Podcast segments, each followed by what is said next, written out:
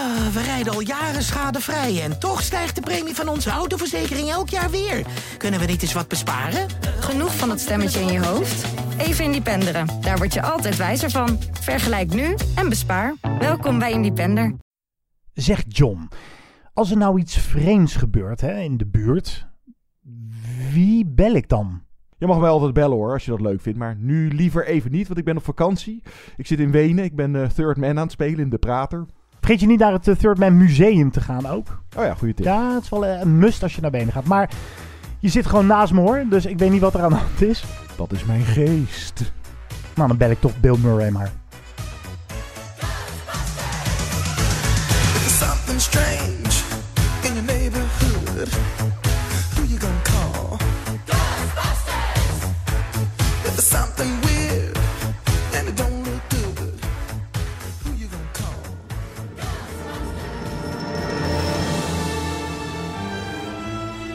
Good evening, ladies and gentlemen. We are tonight's entertainment. Movie Insiders. They're here. Why should I waste my time listening? Because I have a right to be. I have a voice. Groovy. Hallo allemaal, leuk dat je luistert naar deze nieuwe aflevering van Movie Insiders, de filmpodcast van AD.nl, die je ook kan beluisteren via platforms als Spotify of Google Podcasts. Zoek ons op via Facebook, Instagram, Twitter met ons, at Movie Inside. Mijn naam is John. En mijn naam is Guido. Je kan ons ook een e-mail sturen, movieinsiderspodcast.gmail.com. Dan lezen we hem wellicht voor in een volgende aflevering. En we kregen wat van die e-mailtjes en die gaan we met jullie doornemen. Daar zitten wat hmm, tips en trucs tussen en een lichte uitbrander. Wat gaan we doen in deze show? Nou, onder meer eens kijken wat Netflix heeft uitgebracht. Die heeft eh, voor mijn gevoel nou, niet stilgezeten. Er komt genoeg uit op Netflix. Maar qua grote films is dit er wel eentje die we niet kunnen overslaan. Want Netflix zelf adverteert er heel trots mee. Dit is de duurste Netflix-productie tot nu toe. Red Notice. En dat is een dikke actiefilm met Ryan Reynolds, Dwayne The Rock Johnson en Gal Gadot. Wel bekend als Wonder Woman. We doen ook, en dat is iets heel anders, ook te zien op Netflix na een bescheiden bioscooprelease. The Power of the Dog met Benedict Cumberbatch. En dat is een robuuste western met een knipoog. Maar eerst, John, laten we de nieuwe, Ghost, de nieuwe Ghostbusters. Dat was toch in, wat was het, 2018 al een nieuwe versie? Eh 2016 was dat. Oh, 2016. Het was met allemaal dames. Nou, die film die is eh, de grond ingeboord. Door fans echt massaal afgemaakt. En toen dacht Jason Reitman, of all people, de zoon van Ivan Reitman... die de oorspronkelijke Ghostbusters maakte van... ah ja, laat ik het dan goed doen. Dit is Ghostbusters Afterlife. I remember Revelations. And I looked as he opened the sixth seal. There was a great earthquake. Judgment Day.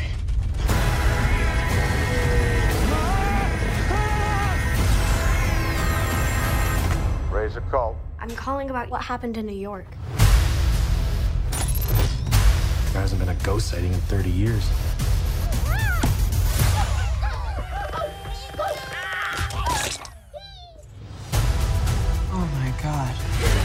Is happening here? His grandfather was a Ghostbuster. Something was coming and he knew it.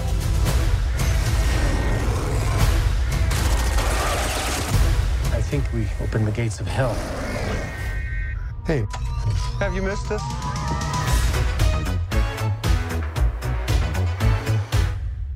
Ghostbusters Afterlife. Inderdaad, van Jason Reitman, de zoon van Ivan Reitman, die de eerste twee films uit 1984 en 89 maakte.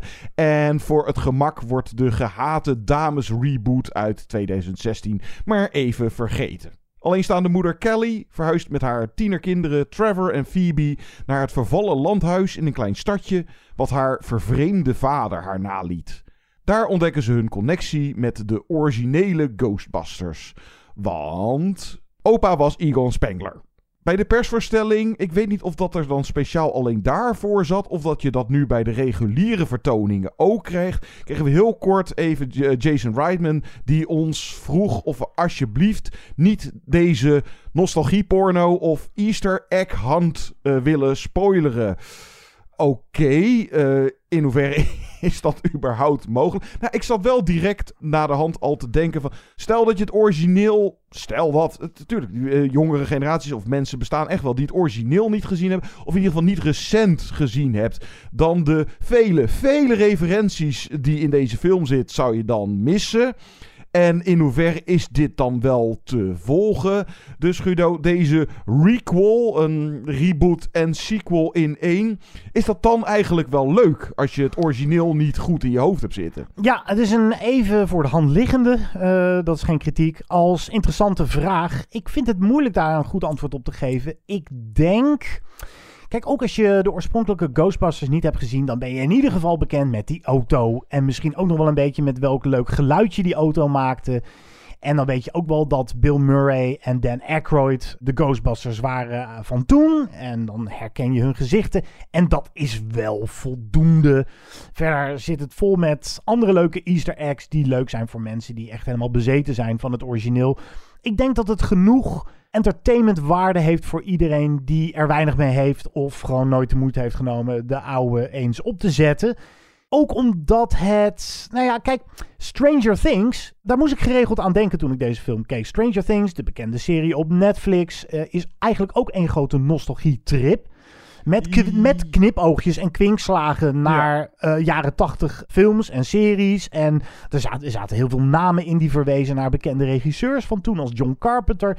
Maar dat kon iedereen verder bommen. Ja, dat maakte voor Stranger Things. eh, Daar maakte zeker, het niet uit. Nee, qua plot en zo maakte het niet uit. En hier, nou, het is gewoon heel lastig. Want wij kunnen ons niet verplaatsen in iemand die die originele nooit gezien heeft. Dus dat, ja, in hoeverre kan dit verwarrend zijn? Of krijg je genoeg informatie om ook als beginneling hierin te stappen? Of is de film aan zich vermakelijk genoeg. Ja, dat, dat zeker. En ja, spoilers. Het, nou, laat ik het zo zeggen. Het is niet een kwestie van of, maar wanneer de originele eh, verschijnen in deze nou, film. Dus, het ja. is inmiddels geen spoiler meer. Nee, want ze staan ook in de credits, geloof ik. En, Ja, dat niet alleen, maar er zijn ook eh, eh, foto's verschenen. En ik vroeg het Jason Ryman, die ik heb mogen interviewen voor AD.nl, vroeg ik het van, joh, het, het is toch, ja, hoe ga je dat volhouden? Dat de oorspronkelijke Ghostbusters weer even komen opdraven in deze film. En toen zei hij, nee, ja, je mag het inmiddels wel weggeven. Dus ik heb toestemming van Mr. Ryman himself. Oké, ja, maar er Hierbij. zit... Ja, Maar ja, het is ook zo'n inkoppertje. Het zou heel raar zijn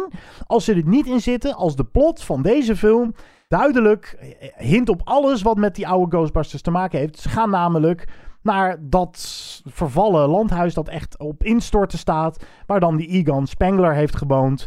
En die heeft een hele gekke reputatie in het stadje waar het zich afspeelt. Oh, dat is die mafkees. eh, die geloofde in spoken. En dat is ook gelijk een van de meest merkwaardige dingen. Ik bedoel, het speelt zich af in hetzelfde universum dus als de Ghostbusters uit de jaren 80. Dat was toen een mega-event, weet je. Als, het echt zich heeft afgespeeld in deze wereld, dan was dat eh, een nieuwsfeit waar je in eh, eh, de, de bulletins niet omheen kon. Een grote Marshmallow Man die heel New York eens een beetje plat stampte. De Ghostbusters die de hele wereld redden. En dan zouden we allemaal nu zijn vergeten. En dan vinden we nu Egon Spengler ineens een mafkees die gelooft in spoken. En een rare boer die je maar met rust moet laten. Nee, dat, dat, dat, is, dat gaat een beetje scheef. Plus dat je dan maar moet accepteren dat zij en eh de kinderen dan niet weten wie papa slash opa was. Ja, oké. Ja, dat is inderdaad heel erg gek. Want Ja, hij, hij trok, zich, hij trok zich echt terug van eh, nou, de rest van de wereld als een soort van kluizenaar. Ja, maar als je daar- moeder eh, ja. Spengler heet, van achteren. Nou ja, Of je weet toch waar je Ja. moeder vandaan, je weet toch wie je opa was. Ja. En Phoebe, een van de hoofdrolspe eh, of een van de hoofdpersonages. Eh, McKenna Grace. Nou, voilà, leuk jong talent. Wel echt een van de hoogtepunten. Zij is iemand die eigenlijk naar de geschiedenis gaat zoeken. Maar ja, het is uiteindelijk gewoon op YouTube te vinden. Je opa was een van de Ghostbusters, eh, chick. Kom op. Hoe kun je dat niet weten? Hoe kan mama daar zo geheimzinnig over hebben gedaan? Het is... Het, Ja, moet je, ja, wat ik zeg, je moet het maar gewoon accepteren. Als, maar, ja, maar dat vond ik wel lastig. Dat had je volgens mij best kunnen oplossen door er gewoon wat beter over na te denken. Ja, misschien inderdaad ook voor de mensen die nieuw zijn in het eh, Ghostbusters-universum. oh ja, trouwens, alle originele castleden uit het origineel, minus Harold Ramis, kwamen ook dan niet al. Ja, ze zaten in een bijrol of een cameo's ook in die dames-editie, maar dan speelden ze andere. Dat allemaal heel erg eh, verwarrend ook nog is. eh, maar de, kijk, Phoebe die komt nou, van alles tegen. Dus dat eh, apparaatje wat dan lichtjes gaat geven als er een spook in de buurt is. En de Proton Pack en ze Ecto One staat in de schuur. En de, de, de Ghost Traps. En, maar er zitten hier zo, zoveel verwijzingen in. Dat ja, hartstikke leuk als eh, fanservice. Dat je bijna constant zit. Oh, dat en oh, dat. En met mini marshmallows. En eh, nou ja, ga allemaal maar door. En, Bewegende marshmallows dan. hè? Eh, ja. Mini marshmallows, dat kan ook gewoon een zak zijn die je opentrekt en die je gaat roosteren boven een vuurtje. Maar dit, deze hebben oogjes en tandjes en, een, en een hoedje op en ze bewegen. Ja, maar daarnaast, ja, het is wel een crowd pleaser, denk ik. Voor, nou, misschien bijna iedereen wel. Of een family fun. Het is eh, licht gewicht, spooky, maar niet te grappig genoeg. En nou, misschien soms ook wel eh, speels genoeg. En wel het vermelden waard is dat deze film, de hoofdrollen worden eigenlijk dus gespeeld door de kinderen. Die Finn Wolfhard uit, nou, eh, Stranger Things. Stranger Things. Heb je een van die jochen uit eh, Stranger Things. En dan eh, zij. En dan heb je, eh, nou, zijn love interest, eh, het meisje Lucky. En Phoebe die eh, raakt bevriend met de podcast. Oh ja, die noemt zichzelf podcast. Dat is echt zo'n, ook een beetje een nostalgie dingetje. Dat had je altijd in de jaren tachtig films.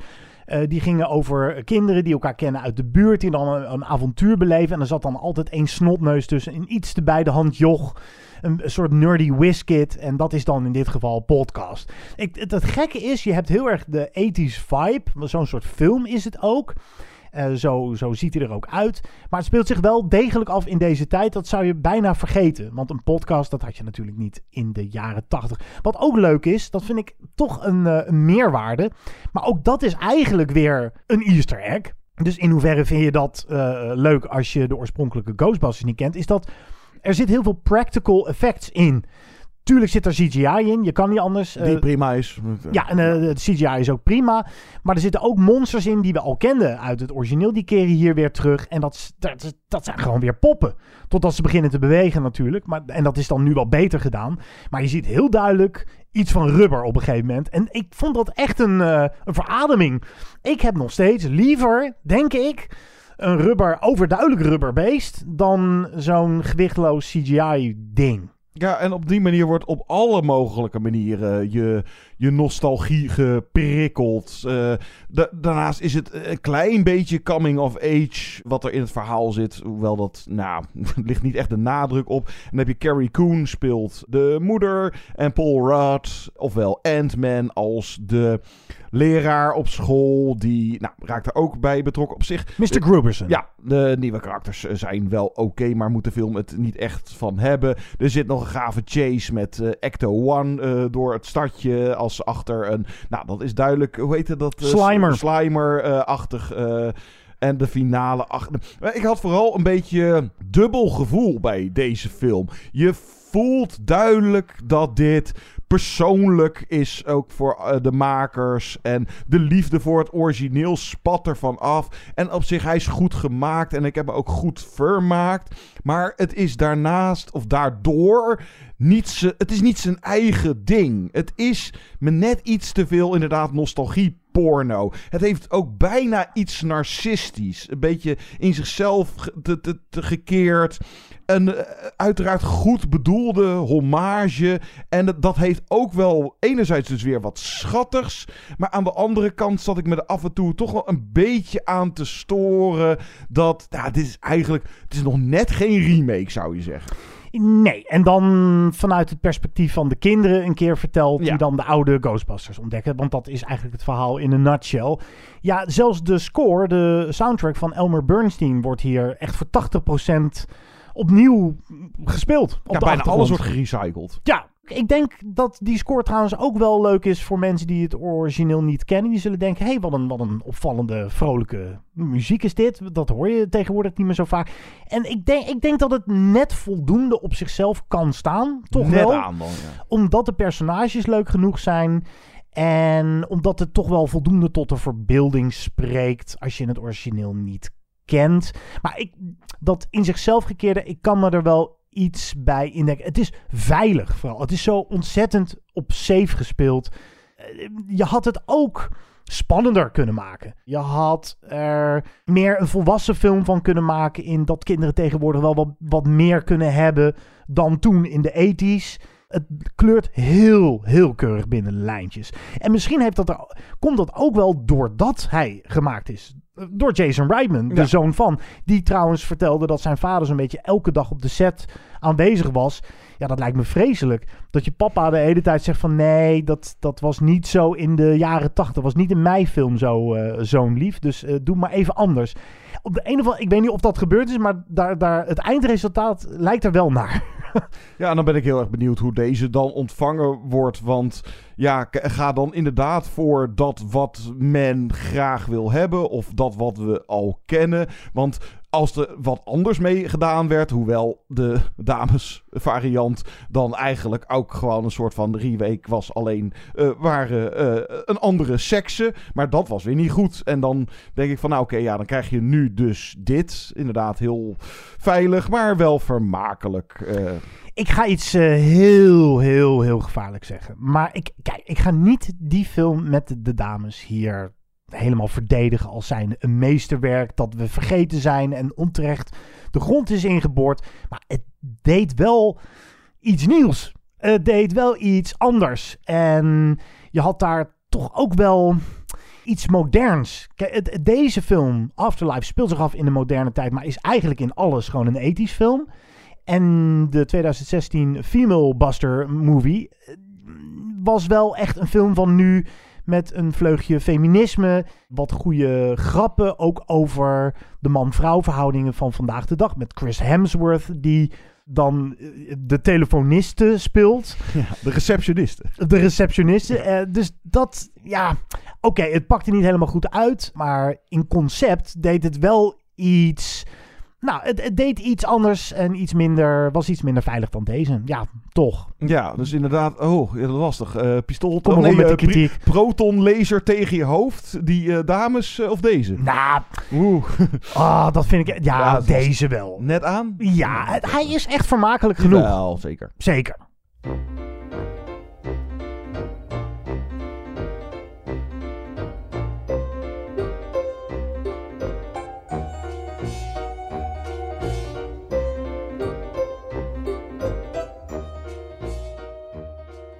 Straks in deze podcast bespreking van Netflix-titels Red Notice en Power of the, of the Power of the Dog van Jane Campion. Maar eerst een stukje muziek. De nieuwe score van eh, deze Ghostbusters Afterlife door componist Rob Simonson is mm, bij moment van opname nog niet... Laten we gewoon een lekker stukje van het origineel eh, van Elmer Bernstein erin gooien. Wat dacht je daarvan? Die wij trouwens toen gerewind hebben in combinatie met de dames. Eh, dus dat is...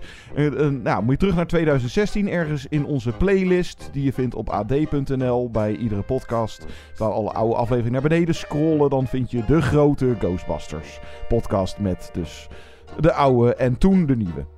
Ja, het klinkt alsof wij nu heel erg eh, narcistisch en in Ja. onszelf gekeerd zijn. Maar we kennen, we kennen jullie, luisteraars. We hebben vaak van dit soort verzoekjes gekregen. Goh, hebben jullie die klassieker besproken? En waar vind ik die show? Daar dus.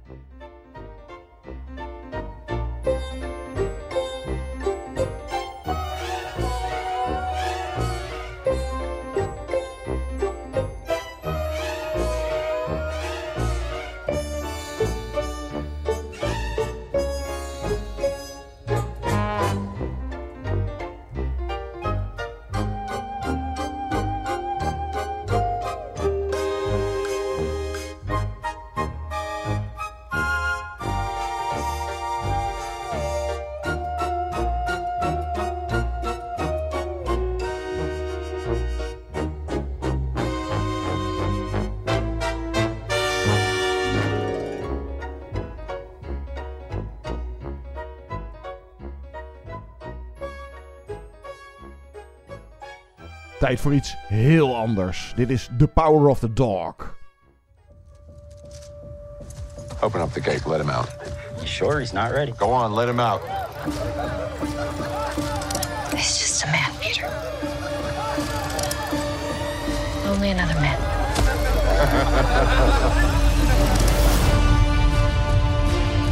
A man man's made by patience and the odds against him. For what kind of man would I be if I did not help my mother? Peter!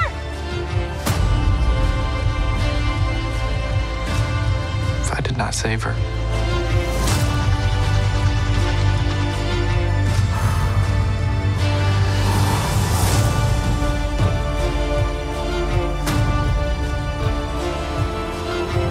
Sort of a lonesome place out here, Pete. Unless you get in the swing of things.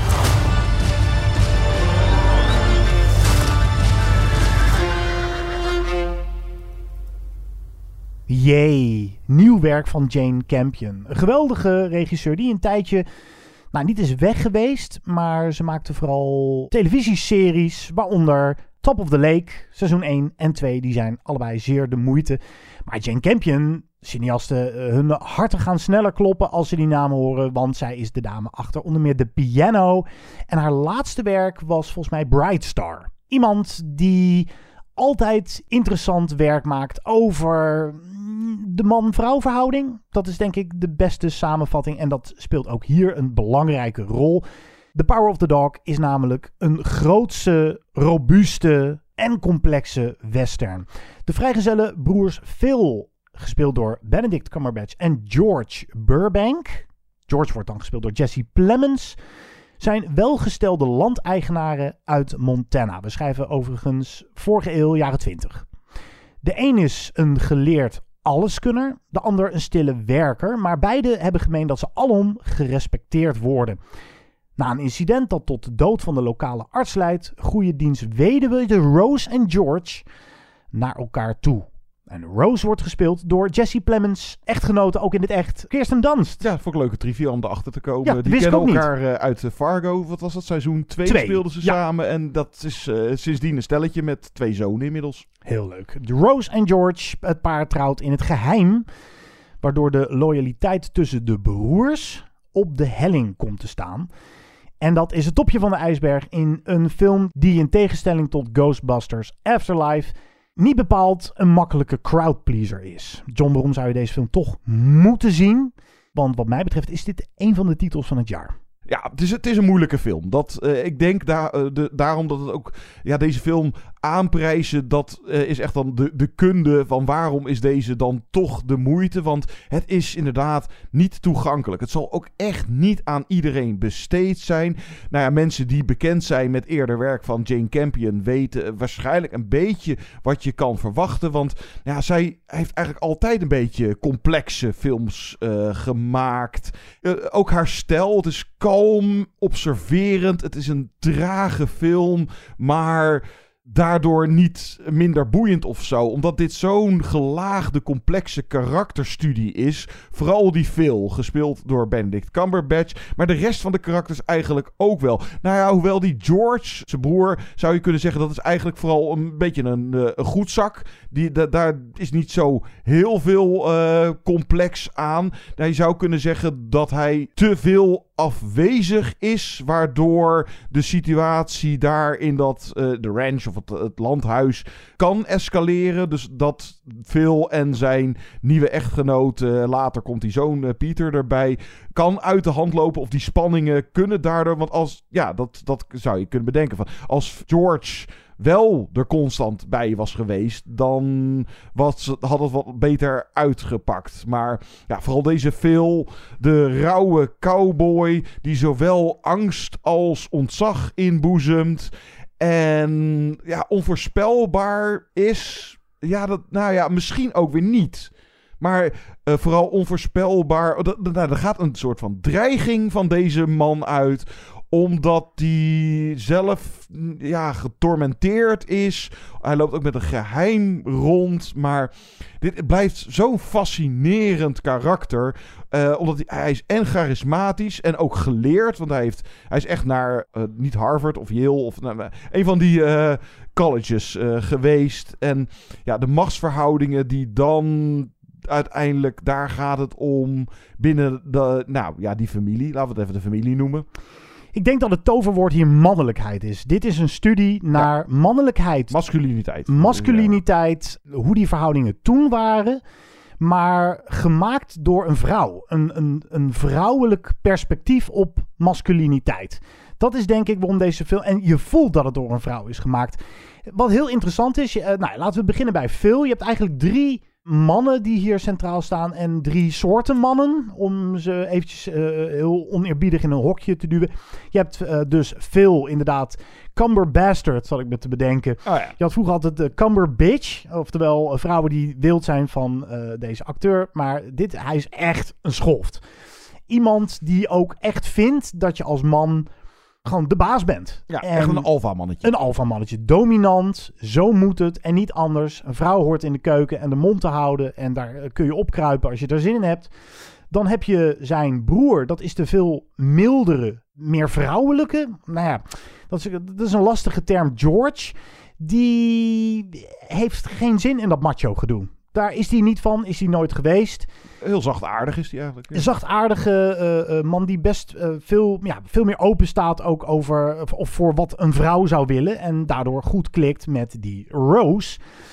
En Rose heeft een zoon en dat is Peter. Die wordt gespeeld door Cody Smith McPhee. Een homoseksuele jongen. Nou ja, misschien. Ja, nou ja, Eh, dus ja. Hij, wordt in ieder, hij wordt gezien in ieder geval eh, door vooral veel... Het kan George allemaal niet zo heel veel schelen. Daarom heb je die drie eh gradaties. Maar hij is... Ja, Ja, of die Pieter, dus, de, de zoon, de meest ja, verwijfde van de... Ja, Phil ziet hem als verwijfd. Ja. En het is, Pieter is totaal, breekt hij met de macho-cultuur waar hij in belandt als zijn moeder trouwt met iemand van de Burbanks. Dus dat zet de boel op scherp. En het, het bizarre is dat Phil, die begin, die kijkt ontzettend op die Pieter neer, maar is ook door hem gefascineerd. Ja. Op de een of andere manier. Ehm, En draait ja, bij, zou je soort van kunnen... Of hij wil dan van Pieter wat meer echt een man maken. Dus hij leert hem ook eh, paardrijden en eh, wat meer het, eh, ja, het echte mannen zijn. Ja, inderdaad. En Plus dat je natuurlijk hebt dat eh veel het, de alfa-man.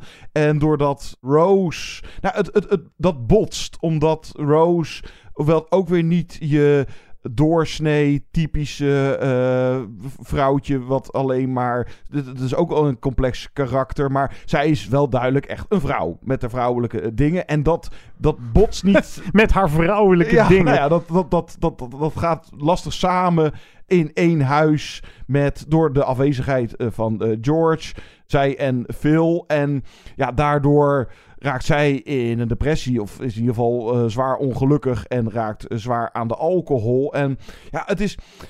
Ja, het is zo eh, moeilijk te omschrijven. Dat, daar, daar moet je echt die film voor zien. Ja, maar ook moeilijk te omschrijven, omdat er nogal twists in plaatsvinden die je echt niet mag weggeven, eigenlijk, vind ik. Dus Ja. dat is heel, daar moeten we omheen. Daar zijn we momenteel een beetje onhandig misschien eh, omheen aan het praten. Maar ja, dat, dat ook. En in hoeverre er misschien bijvoorbeeld ook iets van, nou ja, jaloezie aan de kant van veel, niet zozeer op het, het huisje boopje beestje principe, maar misschien op het hebben van een partner of Nou, het- dat niet alleen. Ja. Ik denk dat hij ook. ehm, wij lezen dat inderdaad af als jaloezie. Niet alleen naar George toe, maar ook zeker naar Peter toe. Die veel meer in contact staat met zijn gevoelens. Misschien ziet Phil in Peter wel eh, iemand die niet zich conformeert aan de sociale gedragsregels van die tijd. Maar iemand die gewoon handelt zoals hij is, zoals hij zich voelt. En hij doet ook vrouwelijke dingen in zijn ogen als nou, eh, knutsel, eh, knutselwerkjes en dat soort dingen. En dat vindt hij maar belachelijk. Maar het interesseert hem ook omdat hij iemand ziet die dus niet meegaat in de macho maalstroom. En gewoon is wie die is. En dus is Phil misschien iemand die ook maar van alles wegstopt. En dat is natuurlijk ook een schets van die tijd. Het gaat over onderdrukte gevoelens. Het gaat over het cowboy harnas misschien wel. En hoe de maatschappij gedrag dicteert. En wat ik dan ook heel interessant vind aan deze film is... ik dacht in het begin of halverwege nog... shit, mist The Power of the Dog een beetje een duidelijk focuspunt. Maar het is ook wel heel erg goed gedaan... dat je steeds van focus wisselt. Uh, dan staan we weer even stil bij Rose, dan weer eventjes bij Phil, dan weer bij Peter. En dat komt zo naar een ja, prachtige climax toe. Er is goed over nagedacht. Ja, en het, ja, het, het, borrelt telkens uh, onder de oppervlakte. En nou, in eerste instantie dat Phil dus Rose en Peter nog plaagt. Uh, je moet de film alleen eigenlijk al zien vanwege het piano slash banjo duel. Of een soort van. En hij, ja, hoe die dan bijdraait. En dat is nou, allemaal fascinerend. En dat komt ook door oh, de briljante Benedict. Die, ja, hij, dat vind ik heel knap aan deze acteerprestatie. Hij is een eng, maar dan zonder cliché grimassen in zijn gezicht of zo. Hij, hij blijft een soort van cool en dat zit hem in zijn gezichtsuitdrukking, zijn blikken, maar ook zijn houding. En uh, inderdaad, nou ja, ongeschoren, de kleding die hij draagt, hoe die telkens... Hij wil ook niet douchen, toch? Ja, hoe hij telkens zijn checkies zit te roken, maar ook gewoon hoe het verbeeld is, hoe hij een touw aan het maken is. En dat, ja, inderdaad, de macho man waar veel meer achter schuilt, wordt ook goed verbeeld zonder daar constant in woorden of in acteerwerk echt een nadruk op te leggen. En dat is dan dus de kunde van het script en het acteerwerk. En de regie. En de regie van uh, Jane Campion. En Die de intelligentie van de kijker tenminste niet onderschat. Ja. En dat is toch wel een beetje een zeldzaamheid in Engelstalige films vaak. Daar wordt de kijker toch uh, in hapklare brokken voorgeschoteld hoe de vork in de steel zit. En hier ja, word je eigenlijk um, spartelend uh, in het diepe gegooid. Van, ga, ga zelf maar ontdekken wie deze mensen zijn. En langzamerhand nemen we je mee naar, op een ontdekkingsreis. En leren we misschien deze mensen kennen zoals ze echt zijn. Wat heel fascinerend is ook dat Phil de hele tijd heeft over een mentor. Ik ben even zijn naam kwijt, maar iemand van wie hij nou, het vak geleerd heeft als cowboy. En daarin merk je al, ook daar zit een zekere fascinatie in die wat zegt over hem. En zo krijgen we steeds meer hintjes. En dan nog aan het einde moeten we eigenlijk zelf in ons hoofd bij elkaar rapen wat nou het volledige karakter was van deze man. Ja, en dan is het daarnaast in heel veel opzichten ook niet je conventionele. Het is eigenlijk een western zonder dat er een schot valt. Met een broeierige sfeer. En hij is absoluut mooi. Maar Jane Campion vervalt echt niet in mooi filmerij. Dus dat is ook weer vrij. On... Het is gewoon echt een ongebruikelijke, psychologisch diepgaande western. Het, ja, god, hoe moet je. Oh, dit moet je gewoon eigenlijk zien. Dit is heel lastig om te omschrijven. Ja, The Power of the Dog uh, kun je helemaal kapot analyseren. Maar je moet hem vooral ondergaan.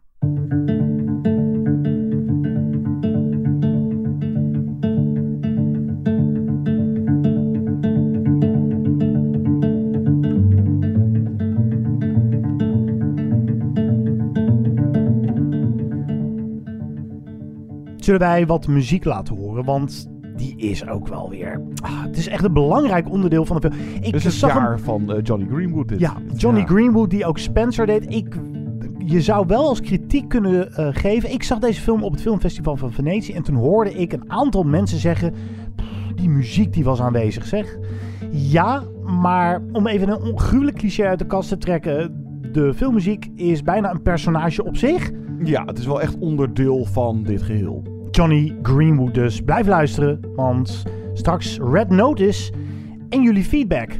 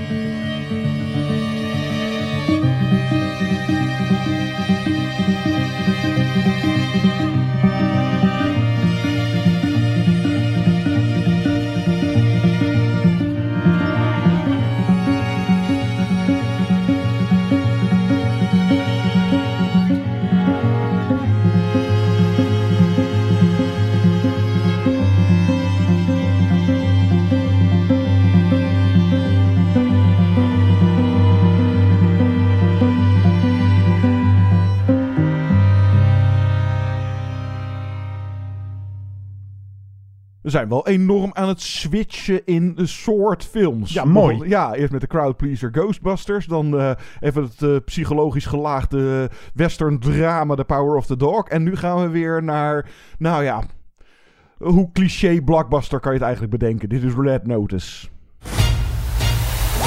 Hello, boys. It's so nice to finally meet you in person. She set me up, framed me. A few clever keystrokes and poof. Bye bye, Agent John Hartley. She's gonna steal Cleopatra's eggs. They're priceless.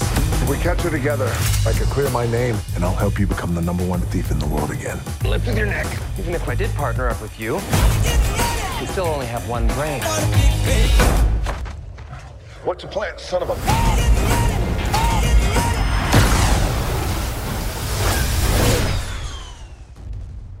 Red Notice inderdaad een van de duurste Netflix-producties tot nu toe.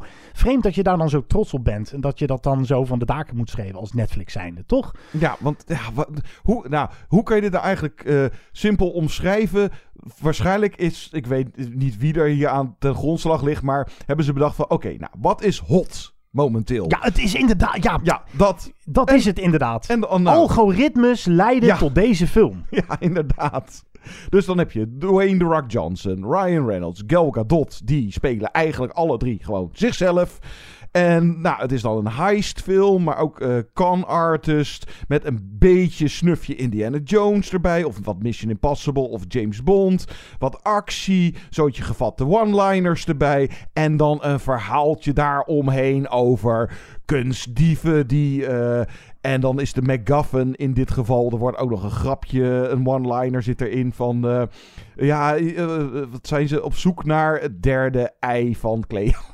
Dat klinkt zo stom als je daar geen context bij geeft. Maar nou, op een gegeven moment eh, zijn ze ergens in Argentinië in een mijn of wat dan ook. En daar hebben de nazi's allerlei. En dan zegt volgens mij Ryan Reynolds letterlijk de zin zo van. eh, ja, of misschien moeten we even zoeken naar de kist waar MacGuffin op staat. Nou, dat zijn echt van die inside jokes die de boel dan grappig moeten maken. Maar ja, kunstdieven en dan Interpol speelt er ook nog. eens- Je hebt nog een Interpol-agenten. Want die moet erin zitten. Omdat Red Notice is een term die wordt gebruikt voor de meest gezochte criminelen door Interpol. Of, of zoiets. Eh, Zoiets. Het, het is in ieder geval een kat-en-muis spelletje waarin het ene personage altijd weer eh, het andere personage te slim af wil zijn. Het is, eh, iemand wordt valselijk beschuldigd. Dat is dan Dwayne Johnson. Die wordt dan, eigenlijk is het een body cop movie, maar dan... ook, nog, ja, ook nog soort van. Ja, ja, hij wordt eigenlijk opgezadeld met Ryan Reynolds. Ze belanden met z'n tweeën in een Russische gevangenis. En ja, ze, ze moeten het met elkaar zien te rooien. En daar hebben ze allebei een eigen belang bij. Hij, Ryan Reynolds, wil dat ei vinden. En nou, Dwayne Johnson eigenlijk ook, al is het maar om zijn eigen onschuld te kunnen bewijzen. En dan heb je nog de Bishop, gespeeld door Gal Gadot. Die inderdaad wel zichzelf speelt, maar dan een beetje de, alle drie beetje de van Fataal versie van Wonder Woman. Ja, zij, zij is dan nog wel het leukst. Maar als Ja. je inderdaad, nou, w- dus dat soort van algoritme, echt gewoon exact van, nou, en dat, en dat, en dat, en dat, en dat. En dan zo van, ja, en klaar is Kees. Eh, dan hebben was we- hem. Ja, en dan eh, gewoon verstand op nul en dom vermaak. En dan is het zo dat je, nou, dat is eigenlijk, dit is eigenlijk een film waar niks goed aan is. Of kan jij iets noemen wat er wel echt... eh, het script niet, de regie niet, het acteerwerk niet. De effecten vind ik vaak ook duidelijk een beetje fake. Dat ze voor van die eh green screens aan het acteren zijn. Maar, ah, maar dan is de ge- gekke conclusie daarna weer... Het is ook weer niet vreselijk of zo. Nee, is- ik heb ja. eigenlijk best wel vermaakt. En, en misschien is dat ook een kritiekpunt. Want het is de, eh, de manier waarop je vermaakt wordt, is inderdaad zo uit een algoritme geboren. Dat je eigenlijk nog schuldig voelt dat je je nog enigszins amuseert met deze film. Die zo makkelijk alle, alle inkoppertjes inkopt. Ja. Qua, qua actiescènes, eh, qua humor. Ryan Reynolds is gewoon Ryan Reynolds. Die weer wisecracks aan het kraken is. Ja, à la Deadpool, maar En dan dat is iets, eh netter, iets braver. iets braver. À la, à la Free Guy eigenlijk. Ja. Die film die we hebben besproken. Die je kan zien op Disney+. Plus. En ik, ik vind eigenlijk Ryan Reynolds altijd wel leuk. Maar ik, ik heb de laatste tijd dat ik hem erg leuk vind. Ah, daar heb je hem weer. En, en iemand doet zijn die- ding weer. Hij doet zijn ding weer ironisch. Maar dan altijd halverwege de film, dan ben ik hem ineens beu. En dat had ik hier ook. Ja. En weet je wat ik ook vervelend vind? Daar zat ik ook over na te denken. Waarom een personage als Indiana Jones vroeger zo goed werkte, is dat was echt over zo'n karakter nagedacht. Wat is, of wie is Indiana Jones? Waar is hij goed in? Wat zijn zijn zwaktes? Wat zijn zijn fobieën? En, dan kreeg je situaties dat je Indiana Jones zo goed kende dat als je hem in een bepaalde situatie plaatste, dat je dan ook echt benieuwd was: goh, hem kennende, hoe gaat hij dit voor elkaar krijgen?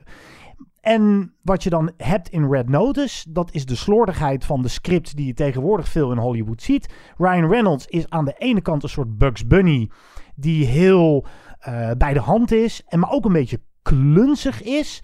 Maar als het de film uitkomt, is hij ineens een soort Jackie Chan wereldwonder eh, van de martial arts. Nou, ja. Nou ja, hij kan, van. in, in de Ja. kan hij geweldig ja, vechten. Oh, oh, dat ja. Dat, Ja, eh, nou, freestyle. eh, dus het dat- is zo ehm, niet consequent doorgevoerd allemaal. Het is gewoon, dit is wat het volk waarschijnlijk wel vreet. En dan zit er nog een twist in die je en ziet aan, kun, kan zien aankomen. twists, en, misschien meerdere. wat, Ja, en vooral en die die, heel vervelend zijn en vooral van die twists waar je dan niet over moet gaan zitten nadenken. Want Ja. dan klopt er helemaal geen ene hol meer van eh, dat wat er daarvoor gebeurt. Maar inderdaad, wat jij nou ja, eh, aangeeft van eh, deze personages, ze hebben gewoon geen achtergrond. Het is, nou, wa- waarom is het dan toch nog vermakelijk? Komt dat door het charisma of het, eh, deze geile sterren krijgen dat automatisch voor, voor elkaar? Of wat je wel duidelijk aan de film kan merken dat zij waarschijnlijk enorm plezier hadden op de set tijdens het maken van deze film.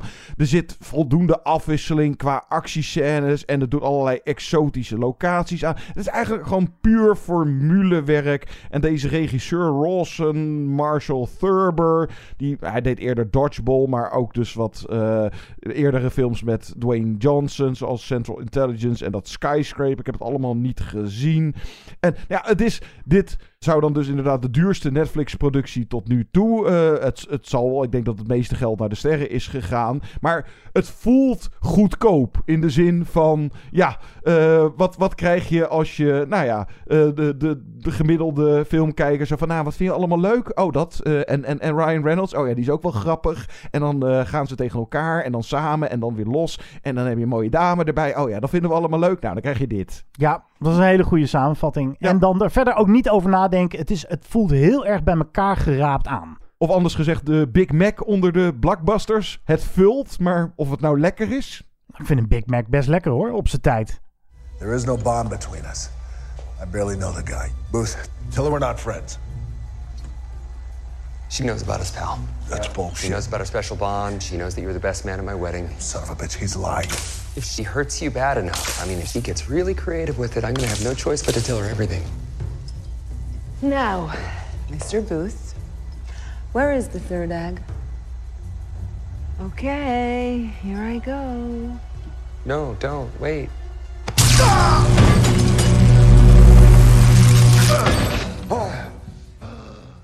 Voordat wij deze podcast gaan afsluiten, eerst een greep uit de postzak die weer eh, leuk gevuld is. Dank voor jullie eh, respons.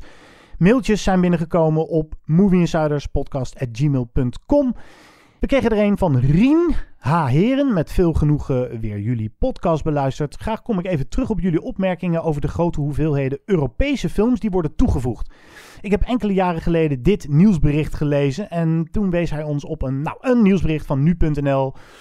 Dat het Europees aanbod op streamingdiensten naar 30% moet. En dan schrijft Rien: Mijn inschatting is dat de bulk aan Europese middelmaat. die Netflix nu telkens online gooit. hier het antwoord op is. De vraag is of Netflix hiermee ook de doelstelling van het Europees Parlement gaat bereiken. Maar ik laat die verdere duiding graag aan jullie. Ja, eh, interessant. Ik wist het niet. Maar er ja, zijn dus dus- blijkbaar afspraken gemaakt. Ja, oké, dat zou dan dus een mogelijke reden kunnen zijn waaronder dan dus nu... Nou ja, er slingert ook van alles en nog wat op Netflix waar dus volgens mij heel veel mensen niet naar kijken. Ook films uit, nou ja, Nollywood heet dat, Nigeria, waar ze dan een, een handjevol titels, eh, plus wat eh, oudere eh, Europese nou ja, klassiekers kan je het niet noemen. Het zijn gewoon oudere Europese, Franse, Italiaanse. Omdat dat dan weinig geld kostte. En op die manier proberen we wel eh, aan dat quotum te komen van eh, voor 30%. eh maar ja, of je Netflix daar nou om kan prijzen. Als je kijkt naar wat dan het aanbod. Ja, het dat is gewoon ja. het is makkelijk vulsel. Dat, Ja. da- daar komt het een beetje op neer. En we kregen nog een ander mailtje. Ehm, lees jij hem eens voor, John. Die is van Sjaak uit Wervershoofd. Nooit van Sjaak gehoord. Zeppelin. Oh, dat, oh nee, dat is eh, niet, niet zijn eigen eh, achternaam. Een mailtje over Cry Macho. Heren, mijn complimenten voor jullie podcast. Dank je. Ik luister hem nu alweer een paar jaar. En jullie aanstekelijke enthousiasme zorgt ervoor dat ik iedere keer weer ga luisteren. Fijn. Al spoel ik de horrorrecensies altijd door. Heb ik echt niks mee. Maar ieder zijn smaken. Ja, dat kan. Maar wat ik me nu afvraag is waarom de nieuwe film van Clint Eastwood niet besproken is. Cry Macho. We hebben het hier immers wel over een van de allergrootste filmmakers aller tijden. Of een van de grootste acteurs. Daar de nieuwe van nota bene Linda de Mol het wel haalde, wou ik dit toch even aankaarten. Over Clint kun je natuurlijk een hele podcast maken. Of heb ik die gemist? Misschien een top 5 item. Voor de rest niets te klagen hoor. Er ga vooral zo door. Dat zullen we zeker doen. En Clint Eastwood gaan we eh, vast echt nog wel een keer. Ja, als hij het loodje legt. Het zit er toch een keer aan te Oh, het klinkt heel pas als hij het loodje legt. Ja, ja, het- het- wanneer gaat het gebeuren? Nou, waarom wij Cry Macho niet hebben besproken Je hebt is... hem ook niet gezien? Of? Nee, ik heb hem ook niet gezien. Is, ehm, dat is een beetje een slappe reden. Als filmrecensent moet je elke film zien en onbevooroordeeld heen gaan. Maar je moet af en toe ook toch ook als filmrecensent keuzes maken. Nou, Cry Macho is van Clint Eastwood, die de laatste jaren nou niet bepaald meesterwerken aflevert. En Cry Macho werd ook nog eens een beetje neergesabeld. Ik dacht, nou, laten we deze nu een keertje overslaan. In Nederland kreeg hij dan wel weer best oké recensies. En eh, we zijn zelf recensenten, dus we moeten zelf een oordeel vellen. Maar ja, af en toe laat je toch ook een beetje leiden door wat de rest heeft gezien om een zekere schifting eh, te kunnen maken. Ja, ik ga hem nog wel zien, tuurlijk. Cry Macho met Clint Eastwood. En dat is iemand die we zeker niet mogen vergeten. Hij is eh, inmiddels eh, de 90 gepasseerd en eh, hij maakt nog steeds ieder jaar, geloof ik, een film. Ja. En ja, inderdaad, het gros daarvan is niet zo de moeite. Dus ja, moet je dan de nieuwe Clint Eastwood zien omdat het de nieuwe Clint Eastwood is? Is dat een must? Zoals ik op een gegeven moment ook gestopt ben met die Woody Allen's kijken. Zo van, ja, het, het, als je dan van tevoren hoort van, ja, dat is echt, nou ja, meesterwerk misschien niet, maar dat is wel echt de moeite. Dan, oké, dan zet ik het aan. En Cry Macho, ja, ik hoorde er wel aardige dingen over. Maar het is erbij ingeschoten. En eh, zo'n alles op tafel eh, ding, dat was voor Met jou... Linda de Mol. Ja, dat was meer een moedje, geloof ik, voor jou. Dus dat... Nou ja, hallo, het is een Nederlandse film. Ik vind Ja. dat wij ook wel de taak hebben om eh, een beetje het over de Nederlandse producties te hebben. Hebben we te veel dit jaar de Nederlandse productie in de spotlight gezet en zijn we een icoon als Clint Eastwood vergeten? Het, ja, zo kan je het ook brengen. Ja, ja. Ja. nou laten we hierbij beloven dat de eerstvolgende Clint Eastwood die gaan we bespreken. En dan doen we er misschien ook een top 5 bij. Ja, nee, we moeten Want die sowieso- deden we niet eerder. Eh, nee, volgens mij nee. Niet zijn, of zijn films of zijn acteren. Of een Clint Eastwood top 5. We moeten sowieso een keer een podcast aan de man wijden. En eh, dat hoeft niet per se te zijn als dat gebeurt. Je hebt helemaal gelijk hoor, Sjaak. Punk. Meer feedback is welkom. Misschien doen we er wel iets mee in de volgende show. Movieinsiderspodcast.gmail.com is dus ons adres. Maar je kan ons ook vinden op Twitter. At Movie Insight, Instagram en Facebook. Daar zijn we ook te vinden. En deze podcast is wekelijks te beluisteren via ad.nl of op platforms als Spotify. En Apple. En Apple.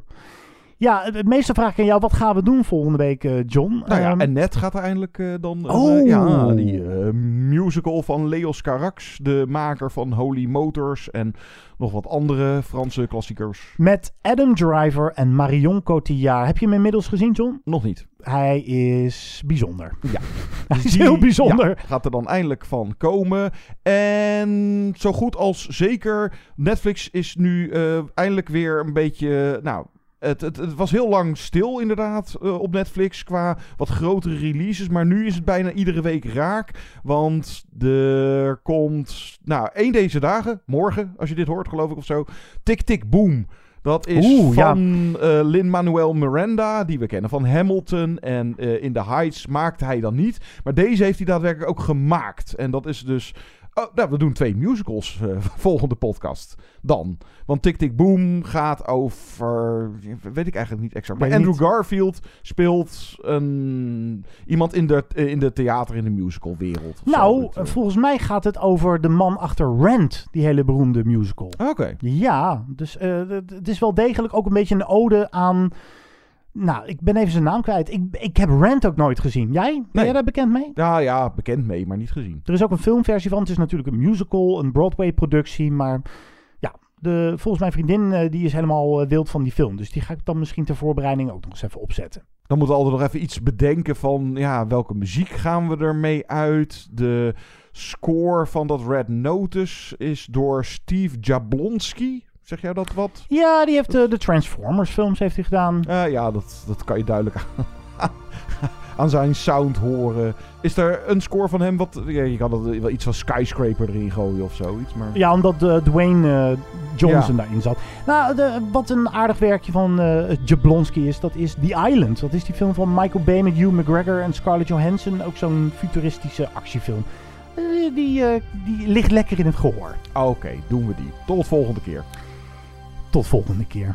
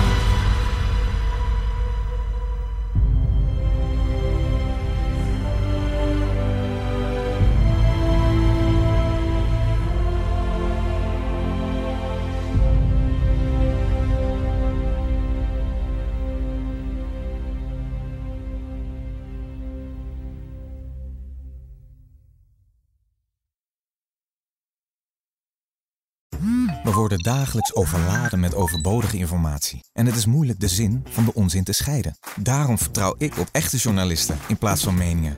Een krantenmens heeft het gemakkelijk. Word ook een krantenmens en lees je favoriete krant nu tot wel zes weken gratis. Ga snel naar krant.nl. Bezorging stopt automatisch en op deze actie zijn actievoorwaarden van toepassing.